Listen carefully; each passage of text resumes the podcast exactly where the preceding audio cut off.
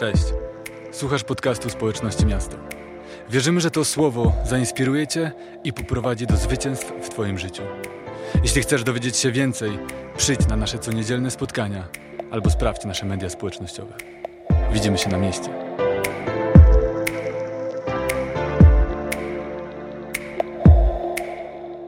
Jeżeli Wam się to zdarzyło, to słuchaj, przyjdź do mnie po nabożeństwie, przybijemy sobie piąteczkę, bo odpalamy samochód, dosyć nowy, e, i zapaliła się czerwona lampka kontrolna płynu chodniczego. Więc tak, to nie jest to, co chcesz zobaczyć na urlopie. E, Ja do końca nie wiedziałam, o co chodzi, nawet co to za płyn chodniczy, o co chodzi w ogóle. Nie moje klimaty. E, Mój mąż jest na szczęście inżynierem i wiedział, i wiedział, wiedział o co chodzi. E, I to nie jest to, co chcesz zobaczyć na swoim urlopie, szczególnie jak jesteś na drugim końcu Polski. W piątek twój mąż musi być w pracy, bo przeprowadza egzaminy, a ty jesteś, musisz być w niedzielę, bo głosisz kazanie. E, Więc oczywiście ja w panice zaczęłam pisać do gości, zaczęłam pisać do boku, w ogóle nie wiem, co to za kontrolka, my jesteśmy na drugim końcu Polski, przy do Alka, ale módl się, po prostu musimy wrócić tutaj do Gdyni. I okazało się, jak wezwaliśmy lawetę, jak, e, bo nie można wtedy ruszać samochodem, tak mówią, wierzę im, e, okazało się, że spokojnie, nic się takiego złego nie stało, po prostu pewne zwierzątko, kuna, przygryzła nam czujnik w nocy od, em, od tego, tej kontrolki e, układu płynu chodniczego. Więc po prostu zawieźli to auto, e, za 165 zł po prostu e, wszystko to obkleili, dokry... wiecie o co chodzi, wiecie co zrobili, coś tam zrobili. E, I jest dobrze, i jesteśmy tutaj. Amen, super, żadna kuna nam nie straszna. Ale wiecie, chcieliśmy zwolnić. A była taka sytuacja, to teraz się śmiejemy, myślisz sobie, o co to za historia, po prostu wszystko, teraz jest dobrze, jesteście, samochód działa. Ale tą historią chcę wam pokazać, że okej, mamy tutaj postanowienia, mamy pewne zasady dyscypliny duchowej i chcesz to zrobić, chcesz to wprowadzić w życie, ale dzieje się życie. Dzieje się życie, dzieją się różne sytuacje stresowe, dzieją się różne sytuacje w naszych relacjach. Po prostu, tak jak powiedziałam, dzieje się życie, a my mamy zwolnić, my mamy zmienić nasze priorytety. Więc dlatego otwórzmy list do Rzymian, ósmy rozdział, wersety od 1 do 2. Teraz zatem nie ma żadnego potępienia dla tych, którzy są w Chrystusie Jezusie, bo prawo ducha właściwe dla życia w Chrystusie Jezusie uwolniło cię od prawa grzechu i śmierci. Jeszcze raz przeczytam, żebyśmy się skupili, ok? Teraz zatem nie ma żadnego potępienia dla tych, którzy są w Chrystusie Jezusie, bo prawo ducha właściwe dla życia w Chrystusie Jezusie uwolniło cię od prawa grzechu i śmierci.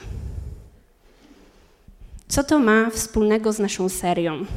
Co to ma wspólnego z naszym zasadą, naszym postanowieniem, że zwalniamy? Widzicie, skoro dzieje się życie, to znaczy, że my obieramy jakiś styl życia, prawda?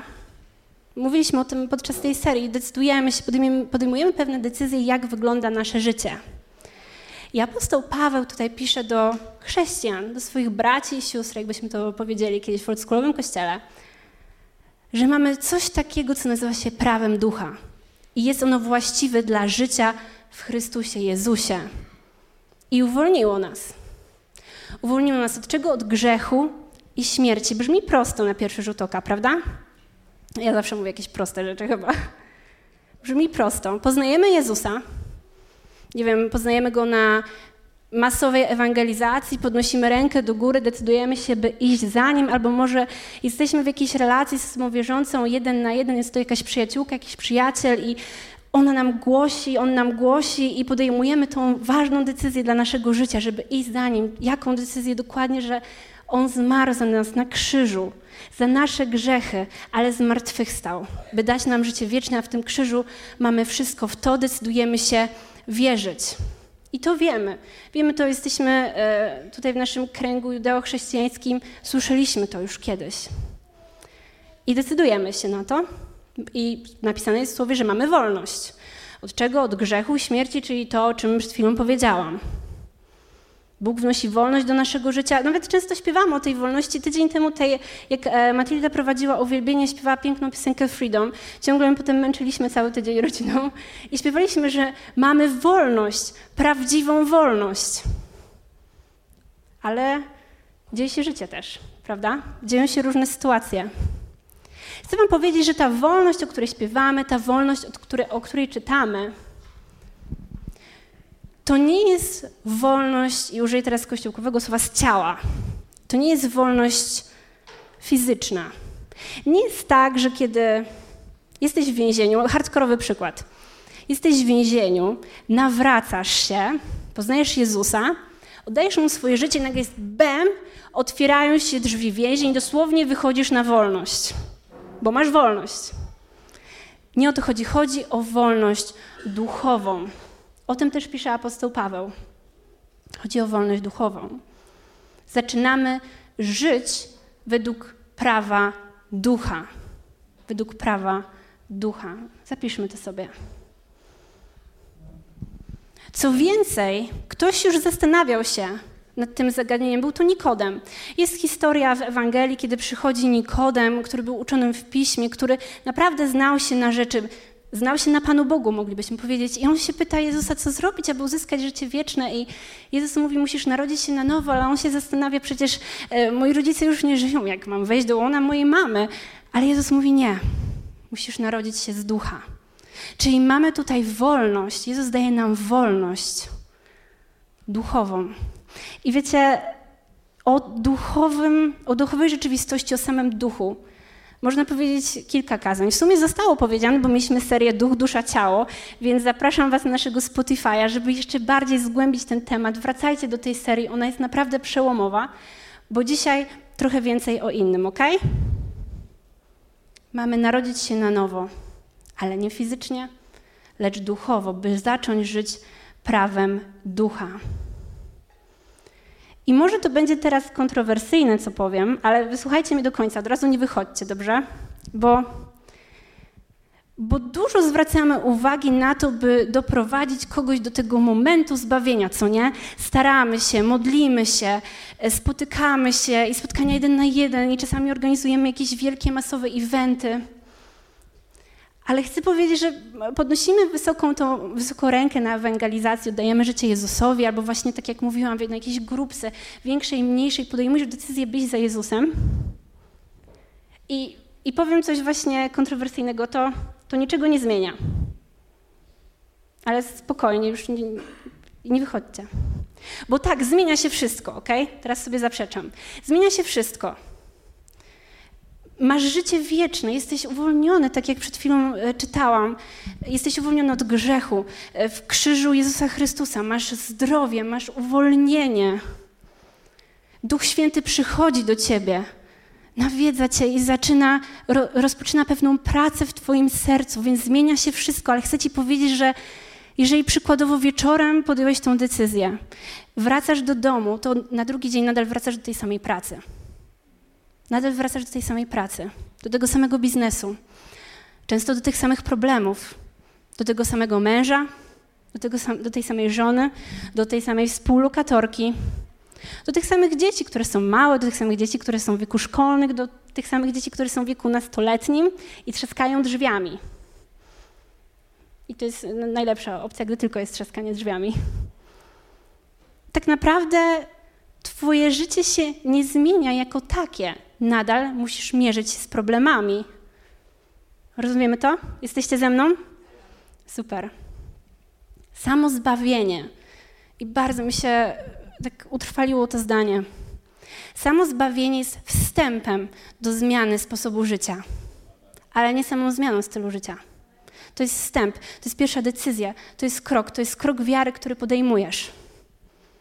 Ale przychodzi coś dalej, przychodzi coś więcej, przychodzi coś, o czym czytaliśmy w liście do Rzymian, czyli życie w Jezusie Chrystusie, które ma odbywać się według prawa ducha.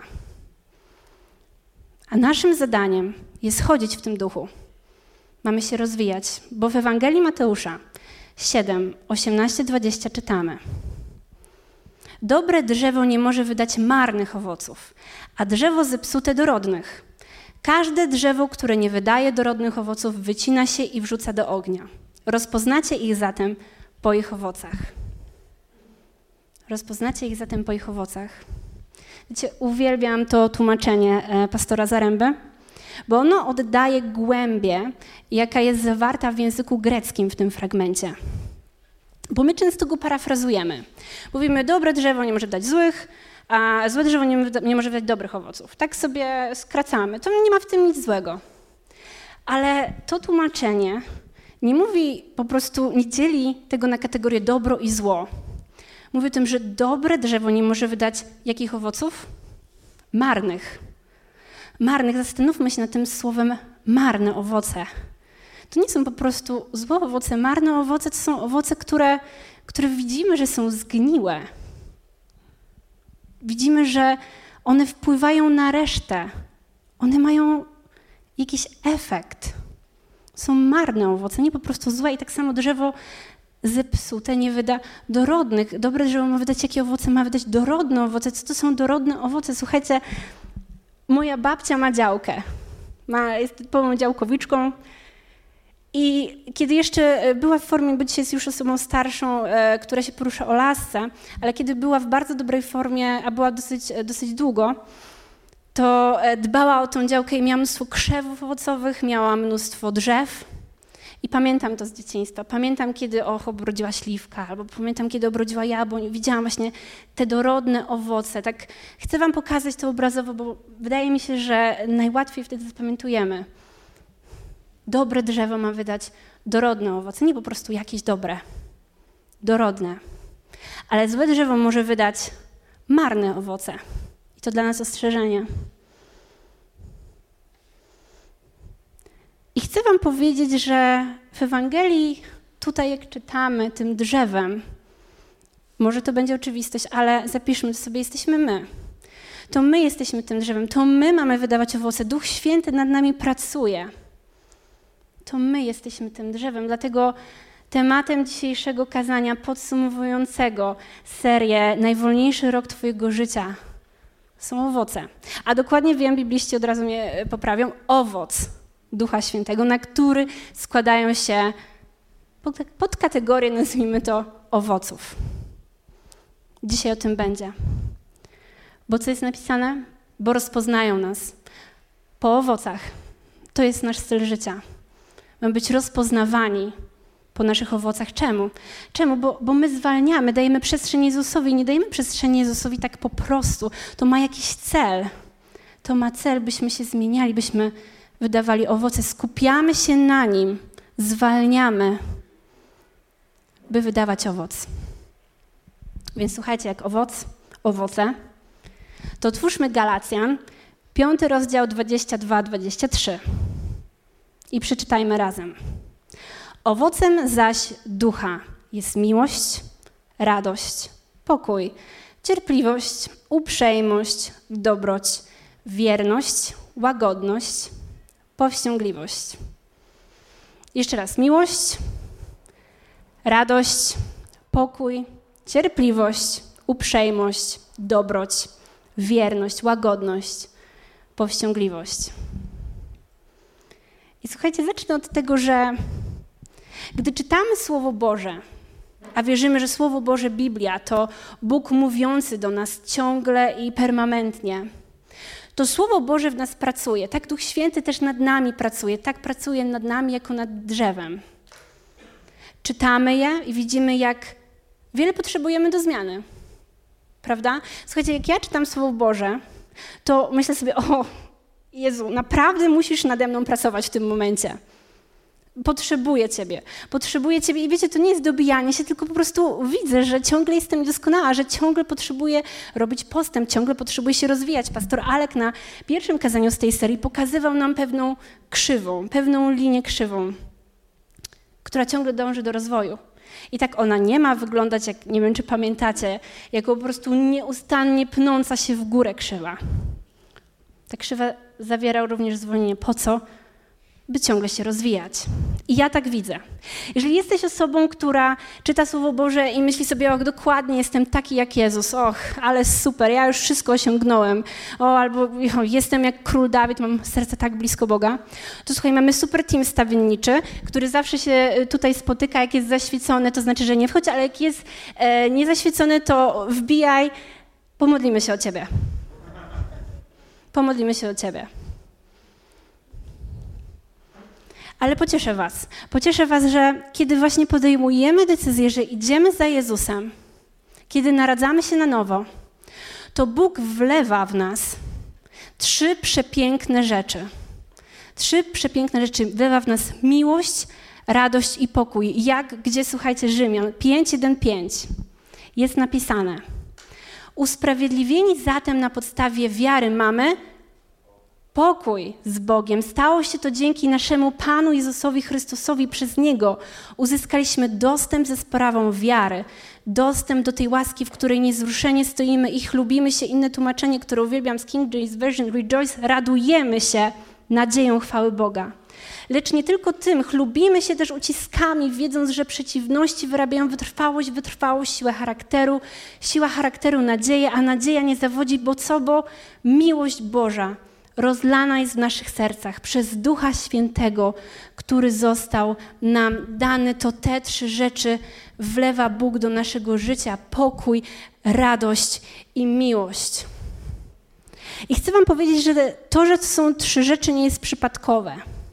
W Biblii Sekwencja trójek często się powtarza. Zaczyna się od tego, że Bóg jest jedyny w trójcy. Mamy Boga, mamy Syna, mamy Ducha Świętego, ale gdzie indziej również czytamy, bodajże w pierwszym liście Jana, że jest woda, krew, duch, jest Ojciec, Słowo, Duch. Czemu Słowo? Bo Słowo się, stało się ciałem, czyli Syn Człowieczy, Jezus Chrystus. Sekwencja trójek ciągle się powtarza, ba, kiedy mamy dziewięć darów Ducha Świętego wymienione w liście do Koryntian – Możemy je podzielić na trzy kategorie. Mamy e, dary objawienia, jak na przykład dar proroczy, mamy dar języka, jak dar e, mówienia językami, dar wykładania języków, mamy dary mocy, jak choćby przykładowo dar czynienia cudów, dar uzdrowienia.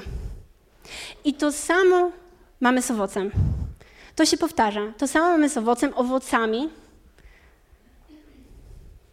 bo i sobie to przeczytam żeby wybrzmiało. Bo miłość jest nierozerwalnie związana z cierpliwością i uprzejmością. Bo radość jest nierozerwalnie połączona z dobrocią i wiernością, bo pokój jest nierozerwalnie związany z łagodnością i powściągliwością. I o tym dzisiaj. Słuchajcie, jeżeli robicie notatki, możecie sobie zrobić wielki podpunkt owoc miłości. Owoc miłości tak bardzo potrzebny do naszego stylu życia który się zmienia w 2024 roku. Amen? Owoc miłości. Tak jak powiedziałam przed chwilą, miłość jest połączona, jest nierozerwalnie połączona z uprzejmością i cierpliwością. W pierwszym liście Pawła do Koryntian, 13 rozdział, czwarty werset, czytamy znany fragment. Miłość jest cierpliwa, miłość jest życzliwa. Kiedy masz miłość, kiedy masz miłość, jej efektem niezaprzeczalnie jest cierpliwość i życzliwość. Nie sądzicie, że, że człowieka, który ma w sobie miłość, można go poznać, prawda, po tym, że jest cierpliwy, że okazuje nam cierpliwość, kiedy na to nie zasługujemy. Okazuje życzliwość. Ba, chcę Wam powiedzieć, że kiedy w naszym stylu życia robimy miejsce dla Jezusa, bo zwolniliśmy, bo wyciszyliśmy się, nie izolujemy się, ale oddzielamy się dla Niego, modlimy się, skupiamy się na Nim, jest On priorytetem. I zaczyna w Tobie pracować miłość. To efektem tego jest, że nie zawsze musisz wygrać. To się chyba nam nie podoba za bardzo. Nie zawsze musisz wygrać, gdy masz w sobie miłość, nie zawsze musisz wygrać. Ba, chcę ci powiedzieć, że kiedy masz miłość w sobie, nie zawsze musisz mieć rację. I to jest słowo do mnie. Ja kocham mieć rację. Och, ja uwielbiam mieć rację. Słuchajcie, uwielbiam ten moment i przyznaję się e, wam do tego bez bicia. Jak ktoś powie, Sara, jednak miałaś rację, to mam takie, mhm, tak, no wiedziałam, że mam rację. No, ale mówiłam, no ale nie słuchałeś, słuchałaś. Uwielbiam mieć rację. A kiedy masz sobie miłość, to naturalnie nie musisz zawsze wygrywać, nie musisz zawsze mieć racji. To nie jest dobra wiadomość dla osób takich jak ja. Mam nadzieję, że nie jestem sama, ale nie podnoście rąk. Jakby podejdźcie potem do mnie i porozmawiamy, przytulimy się. Nie zawsze musisz mieć rację. I wiecie, nie zawsze musisz wygrywać, ale też chcę powiedzieć, bo wiem, że tutaj jest wiele osób, które kochają ducha rywalizacji. o, już wiem, kto się śmieje. I to nie jest do was, spokojnie. Nie chodzi o rywalizację, że są zawody i ty chcesz wygrać i wtedy trącasz wszystkich łokciem, chociaż może nie trąć wszystkich łokciem, jeżeli są jakieś wyścigi, a tutaj miały miejsce różne wyścigi integracyjne.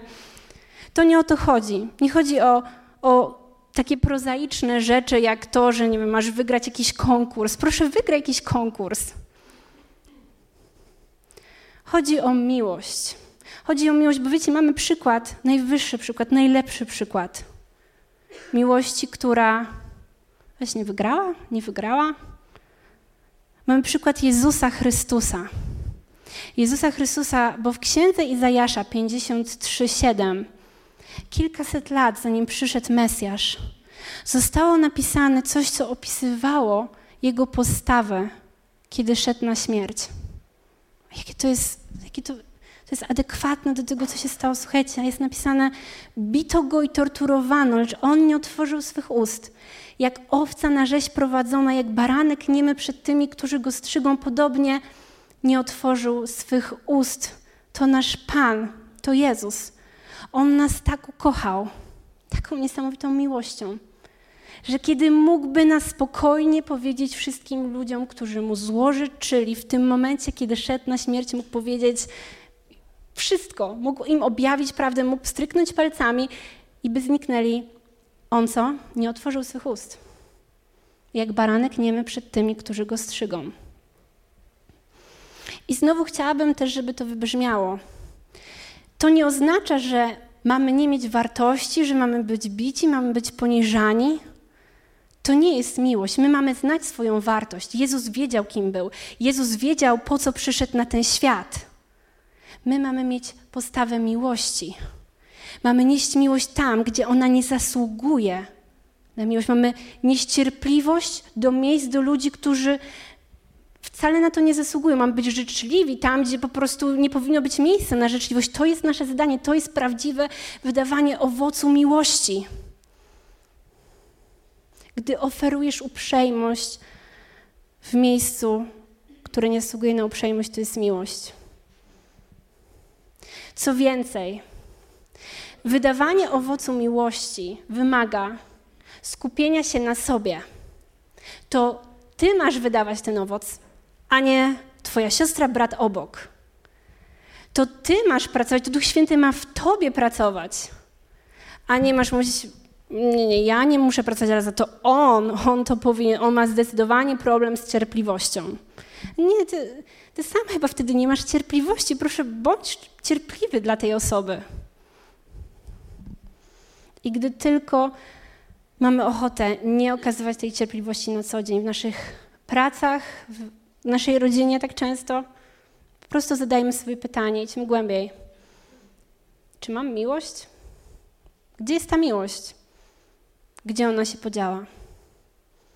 I zadaj pytanie Bogu, jak mogę się zmieniać? Pracuj we mnie, proszę, objaw mi to, co, co mogę zrobić więcej.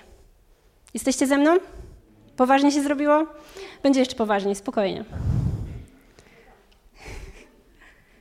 Owoc radości. Owoc radości. Tak jak powiedziałam, radość jest połączona z wiernością, z wiarą i z dobrocią.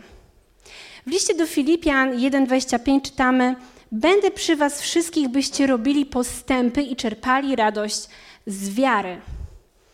Po pierwsze, to nam apostoł Paweł wskazuje na to, że mamy robić postępy, że nie mamy po prostu osiąść na laurach, że nie mamy zwolnić po to, by leżeć do góry brzuchem i nic nie robić. Mamy robić postępy. I co? I mamy czerpać radość z wiary. To jest wszystko połączone. Radość, wiara, dobroć.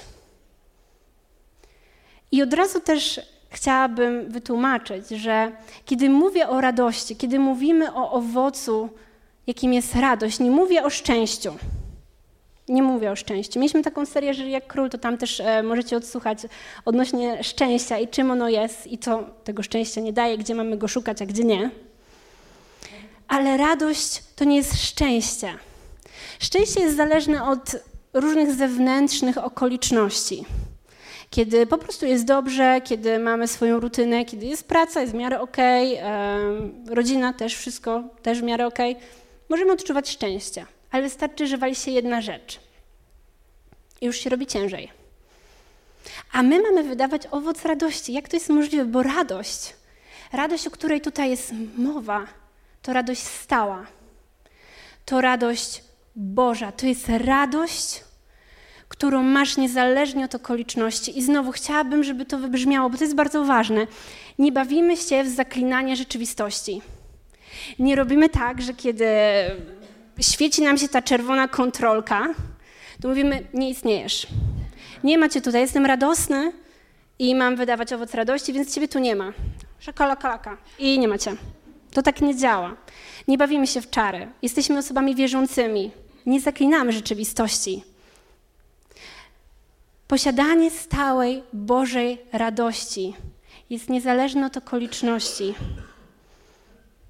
Kiedy przychodzi coś na ciebie, kiedy coś chce ciebie złamać, choroba, zła relacja, trudna relacja, możesz odczuwać, możesz wydawać owoc radości, bo ta radość jest stała, jest ona wlana w nas przez Ducha Świętego.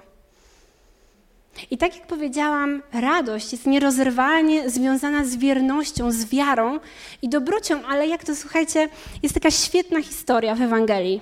To jest bodajże Ewangelia Łukasza, 19 rozdział. Sprawdzę. Tak, 19 rozdział.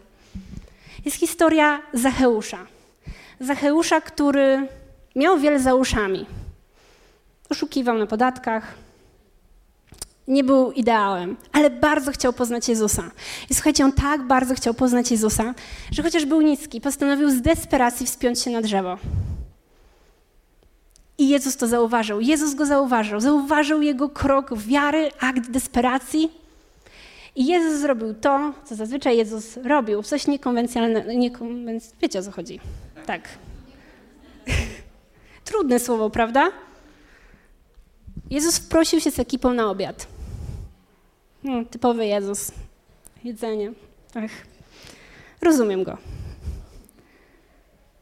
Zacheusz był uradowany. To było ponadnaturalne. Zacheusz odczuł radość, był, był uradowany tym, że Jezus do niego przychodzi i co zrobił Zacheusz? Ugościł go, czyli okazał mu dobroć. Podzielił się dobrocią. Zacheusz był, ważne słowo, hojny.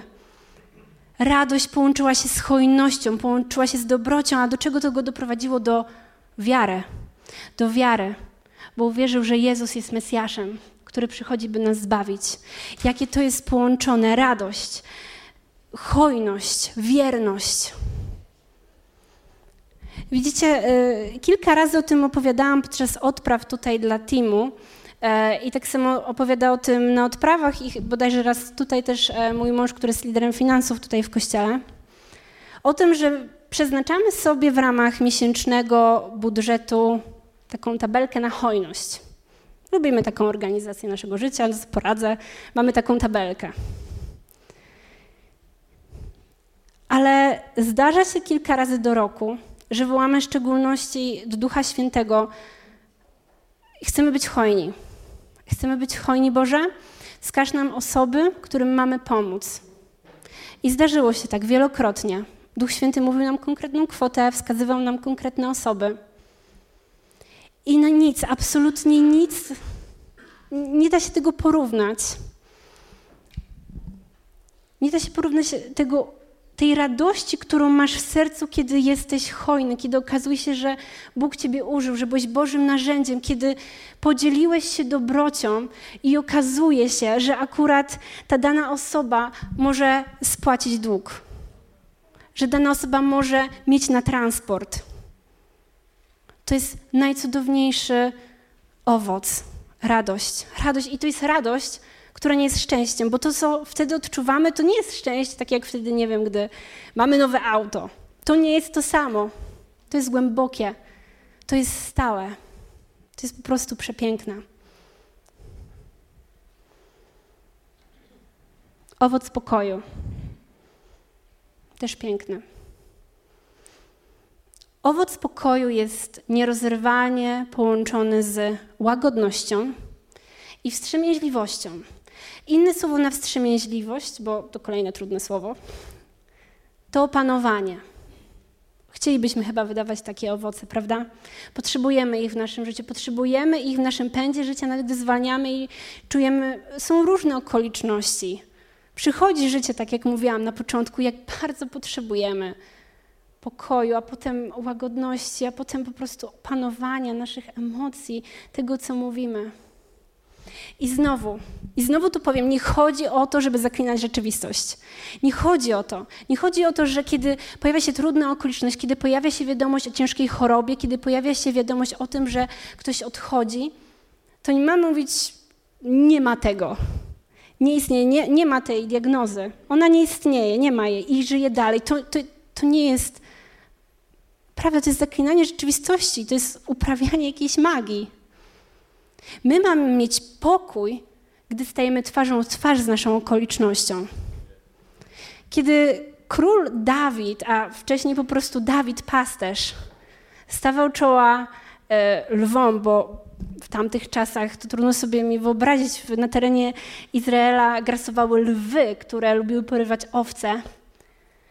Dawid nie mówił, nie ma tego lwa, to jest iluzja, to jest fata morgana, nie ma tutaj go. Nie, on stawiał czoła, on walczył w pełni pokoju. I to jesteśmy my. Ale mam dobrą wiadomość, bo w Ewangelii Jana 14, 27 jest napisane, Jezus to mówi do nas, pokój zostawiam wam, mój pokój wam daję. Daję go wam inaczej niż daje świat. Nie ulegajcie trwodze, nie bójcie się. Dobra wiadomość jest taka, że Jezus zostawił nam pokój. Czytaliśmy o tym też wcześniej, że przez usprawiedliwienie z wiary, czyli wtedy, kiedy wierzymy w to, co zrobił Jezus, mamy pokój z Bogiem, ale jeszcze dodatkowo Jezus mówi nam: Ja wam zostawiam mój pokój. Mój pokój wam daję. I co ważne, daję go wam inaczej niż daje ten świat. Jest znowu świetna historia w Ewangelii Marka. Znana historia która nam obrazuje niejako tą sytuację, tą, ten owoc, jak on działa. Mamy historię Jezusa na łódce z uczniami. Tu już niektórzy mogą domyślać się, co to będzie za historia. Znana historia, prawda? Ja zazwyczaj, kiedy jest jakieś kazanie o strachu, o lęku, to przywołuję tą historię, bo to jest dobra historia. Jej przywołujmy ją, przypominajmy ją sobie codziennie, przypominajmy ją sobie, kiedy stresujemy się, kiedy dopada nas lęk, bo było sobie jezioro galilejskie i była na nim burza, szalał sztorm. I wiecie, miałam tą okazję e, być w Izraelu i e, być e, w Kafarnaum i widzieć jezioro galilejskie. I wiecie, Izrael jest egzotyczną krainą. Jest bardzo ciepło, Jezioro Galilejskie leży e, też w depresji, więc jest tam, jak jest normalnie, nie wiem, 40 stopni e, jesienią, to tam potrafi być 50 i to przeżyłam i jedna osoba zasłaba i naprawdę to są takie klimaty dosyć egzotyczne. I spojrzałam na to Jezioro Galilejskie i myślę sobie, jak tu mogła być burza? Jak tu mógł być sztorm? To tak nie wygląda, to wygląda tak sielsko, ale w tym samym momencie zaczął wiać wiatr, nie wiadomo skąd, i zobaczyłam, że potrafią być tam fale. Naprawdę potrafią być tam fale. I wyobrażam sobie, że e, jeszcze właśnie było ciemno, były błyskawice i naprawdę mogło hulać. Ta łódka to nie była łódka taką, jak my znamy dzisiaj. To nie był jacht, to nie był prom, tylko po prostu była prawdopodobnie drewniana łódka. Burza szaleje. Uczniowie myślą, giniemy. Giniemy Jezu. A Jezus śpi. Jak on to robi? Jezus śpi. Nie budzi go to. Ale wiecie, myślę, że Jezus wiedział, że jest burza, bo był człowiekiem. I jak mamy łódkę, mamy jezioro, mamy wiatr, no to buja, co nie, na tej łódce. I Jezus był człowiekiem. Jezus był cały czas w tym ciele człowieka, więc musiał odczuwać te fale. On spał, ale on musiał to odczuwać. Czuł, że coś się dzieje. Myślę, że nawet mógł czuć wilgoć na swojej twarzy, mógł mieć mokre włosy, bo przecież woda wdzierała się do łódki, ale on spał. Ale uczniowie krzyczeli: Giniemy, Jezu, giniemy. Jezus miał pokój. I tak, koniec końców, Jezus uciszył tą burzę. Nikt nie zginął. Ale Jezus wiedział, co się dzieje. Wiedział, że jest ciężko. Czuł, odczuwał to, myślę, w swoim ciele, że coś za mocno buja. Ale spał. Dlatego On daje nam ten pokój. By kiedy przychodzą ciężkie okoliczności życiowe, możesz sobie teraz w głowie nawet pomyśleć o, o tej ciężkiej okoliczności, która może Ciebie teraz dotyka. To Jezus mówi: Mój pokój Wam daje. Mój pokój Wam daje. Ba, chcę Ci powiedzieć, że kiedy masz owoc pokoju, to jesteś również opanowany i łagodny. Bo kiedy przychodzi ta ciężka okoliczność, to możesz panować nad swoim językiem, by siać pokój dalej. Ba, możesz, wiesz, wchodzić do pokoju, który jest pełen lęku i stresu i kreować atmosferę w tym pomieszczeniu. Wiecie, mój tata, powiem wam szczerze, on wydaje owoc pokoju. Naprawdę, jest osobą, która jest niezwykle opanowana i łagodna. Mimo, że ma bardzo trudny zawód, ale jest bardzo opanowany, nie daje się wyprowadzić z równowagi. I jest to na tyle cudowne, jest tak fajne, że kiedy na przykład ja i mój mąż czegoś doświadczamy, jest nam ciężko, jesteśmy zestresowani, to wystarczy czasami, że mój mąż wsiądzie do auta z moim tatą i już jak wsiada, to czuję, że coś jest innego. I nie chodzi o auto, którym jeździ mój tata. Czuję, że coś jest innego, że, że po prostu zaczyna czuć się inaczej. To jest spokój. To jest łagodność, to jest opanowanie. I mamy tak samo, jak wchodzimy e, do domu moich rodziców, wchodzimy do ich salonu i tak nawet jeżeli coś nam dolega, to czujemy, o, jest jakoś lżej, jest lepiej, bo, bo kiedy wydajesz owoc pokoju, którego efektem, który jest połączony z łagodnością i wstrzemięźliwością, możesz kreować atmosferę. Chcę Ci powiedzieć więcej. Gdy wydajesz owoc pokoju, to Twój dom może być słodkim domem. To Twój dom może być domem, do którego z chęcią będą wracały Twoje dzieci. To Twój dom będzie domem, gdzie przyjaciele chcą ciągle być i nie tylko chcą być, bo chcą jeść Twoje jedzenie z lodówki, po prostu chcą przybywać z Tobą, bo możesz kreować atmosferę pokoju przez styl życia, jaki obierasz. Będziemy powoli kończyć, więc zapraszam zespół Miasto Music. Obiecałam, że dam im znać, więc daję znać. Najwolniejszy rok Twojego życia, mojego życia, naszego życia. W nadchodzących latach wydaje mi się, że nasz świat tutaj, w którym żyjemy, będzie bardziej zabiegany, będzie jeszcze szybszy może i bezduszny, może bardziej jałowy. Jest coraz więcej i więcej. O tym mówiliśmy przez te ostatnie tygodnie. Czy pójdziemy tą drogą?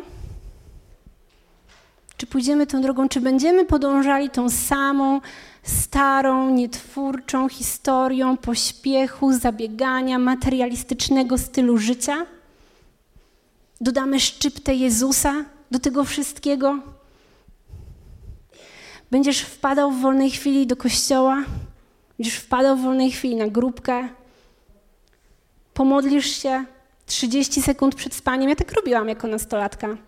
O, poszłam spać, jestem już w łóżku, ale wypadałoby się pomodlić. No to Panie Boże, pobłogosław ten dzień, dziękuję Ci i proszę Cię, żebym przetrwała następny. Amen. To było moje życie duchowe przez wiele lat. A może jednak jest jakaś inna droga? Jest jakiś inny styl życia? Nie, nawet może, na pewno jest. Możemy radykalnie zmienić swoje życie, by być bliżej Boga. By nasz styl życia wydawał owoc, owoc Ducha Świętego, miłość, radość, pokój i wszystko, co jest z tym związane. Tylko musimy zbliżyć się do Niego, musimy zdecydować: Jezu, jesteś najważniejszy dla mojego życia. Robię dla Ciebie przestrzeń. Rezygnuję z rozpraszaczy. Chcę być był najważniejszy. Chcę być z moim kościołem, chcę być z moją wspólnotą. Chcę poznawać ludzi, chcę uczyć się od nich. Dlaczego Bóg chce wydawać owoc, chce zmienić swój styl życia. Chce prościej. Chce mniej, ale chce więcej Ciebie. Chce być rozpoznawany po tych owocach. Skoro jest tak napisane w słowie, ja chcę tego. Chcę być rozpoznawany po tych owocach. Ba, chcę być jak miasto, miasto położone na górze. Chcę świecić. Chcę tego, co by było, gdyby twój kolega z pracy zastanawiał się, ej, ale czemu on ma taki pokój? Ja też chcę go mieć. Muszę się go zapytać, co on takiego robi. Ja też chcę to mieć. Chcę być też łagodny, opanowany, jak on. Oni mówią, że będą zwolnienia, a on jest pełen pokoju. Dlaczego? To nie jest chyba normalne. Ale też tego chcę. Co by było, gdybyśmy okazywali cierpliwość i nasza rodzina zastanawiałaby się, dlaczego ona tak się zmieniła? O co z nią chodzi? Przecież kiedyś była pierwsza, żeby krzyczeć, żeby tracić cierpliwość, a dzisiaj jest nie do poznania. Chcę wiedzieć więcej. Chcę wiedzieć, jak to zrobić. Tego chciałabym, żebyśmy wspólnie się pomodlili. Możemy powstać. Chciałabym, żebyśmy modlili się nie tylko o ten rok konkretny, 2024, ale o każdy następny. Bo to nie jest tak, że teraz mieliśmy serię akurat na początku nowego roku i to tylko jest na teraz. Nasz styl życia wydający owoc, dorodny owoc, ma trwać zawsze. To jest nasz cel, to jest nasza droga postępu. Dlatego, Panie Boże, tak Ci dziękuję. Dziękuję Ci za to, że kiedy podejmujemy decyzję, by iść za Tobą, to zmienia się wszystko. I dajesz nam narzędzia do tego, by dalej się zmieniać. Dajesz nam wskazówki, dajesz nam drogę, dajesz nam prawo ducha, byśmy chodzili w duchu, by nasz wolniejszy styl życia, by nasz styl życia sfokusowany na Tobie dał Ci przestrzeń do tego, by nas zmieniać. I proszę, zmień mnie, Boże. Zmień mnie. Proszę, zmieniaj mnie. Proszę Cię o to, byśmy, byśmy mieli miłość. I do siebie, byśmy kochali siebie, byśmy kochali naszych, nasze, nasze rodziny, byśmy kochali nasze dzieci, naszych współpracowników, naszych szefów, byśmy byli cierpliwi w miejscach, które nie zasługują na tą cierpliwość, byśmy byli życzliwi. Daj nam, Boże, radość. Proszę Cię, do Panich, nasz styl życia będzie pełen radości, która jest stała. Byśmy dążyli przez to do wierności, byśmy dążyli do hojności, byśmy dzielili się dobrem, by to był znak rozpoznawalny naszego nowego stylu życia, chodzenia w duchu. I Panie, Ty widzisz, widzisz każdego z nas, widzisz, jak zmagamy się z lękiem, jak zmagamy się ze strachem, jak zmagamy się z diagnozami, jak zmagamy się z okolicznościami, jak zmagamy się z naszymi finansami. Ty, Panie, wszystko widzisz, bo jesteś wszechpotężny. Panie, powiedziałeś, że ponadnaturalny pokój nam dajesz, nie z tego świata. Chcemy to wziąć dzisiaj dla siebie, Panie podejmuję decyzję, by żyć w pokoju. Chcę, Panie, aby mój dom był słodkim domem. Był domem pełen pokoju, łagodności, opanowania. Chcę, żeby to był dom, którego dzieci będą lgnęły po latach. Będzie w nim tak dobrze. Dzięki Ci, Panie, za to, że najwolniejszy rok naszego życia będzie rokiem, którym dajemy Ci przestrzeń, by Ciebie było więcej, a nas mniej, bez rozpraszaczy, bez dodatkowych bodźców, tylko Ty i Twoja obecność. Amen.